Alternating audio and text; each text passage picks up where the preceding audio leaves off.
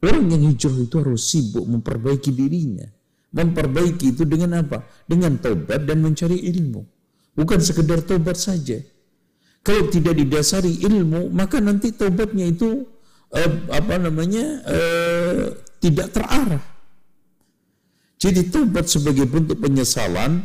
Nah ilmu ini menunjukkan apa sih yang harus disesali.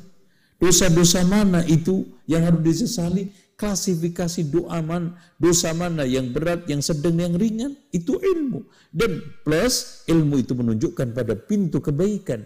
Karena setelah tobat itu tidak ada gunanya, tidak ada manfaatnya kalau tidak dilakukan perbaikan dengan melakukan apa? perbuatan yang baik. Meninggalkan yang jelek, terus menggantinya dengan perbuatan yang baik. Nah ini nggak bisa kalau tidak dibimbing dengan ilmu. Makanya Rasulullah mengatakan al-muhajir man an.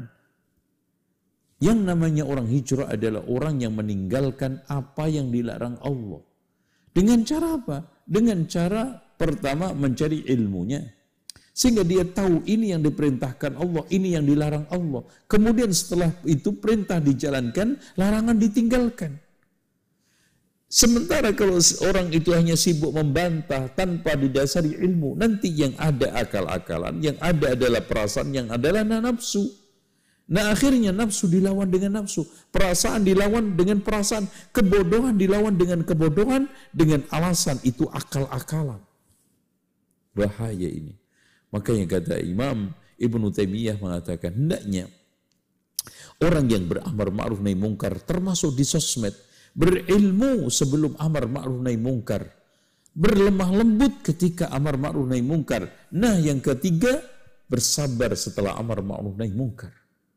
Makanya Allah juga mengatakan fa'lam annahu la ilaha illallah. Ketahuilah, belajar. Al-ilmu qabla al-qawli wal amal. Itu utama. Sementara orang yang sibuk membantah sana sini, ya, membaca subhat sana sini untuk dibata, dibantah, itu nanti dia akan hanyut ke dalam subhat itu sendiri. Karena subhat itu khotofatun sangat menyambar. Kalau tidak punya ilmu, maka dia akan yang guling, dia yang terhempas, dia akan yang dimakan oleh subhat itu.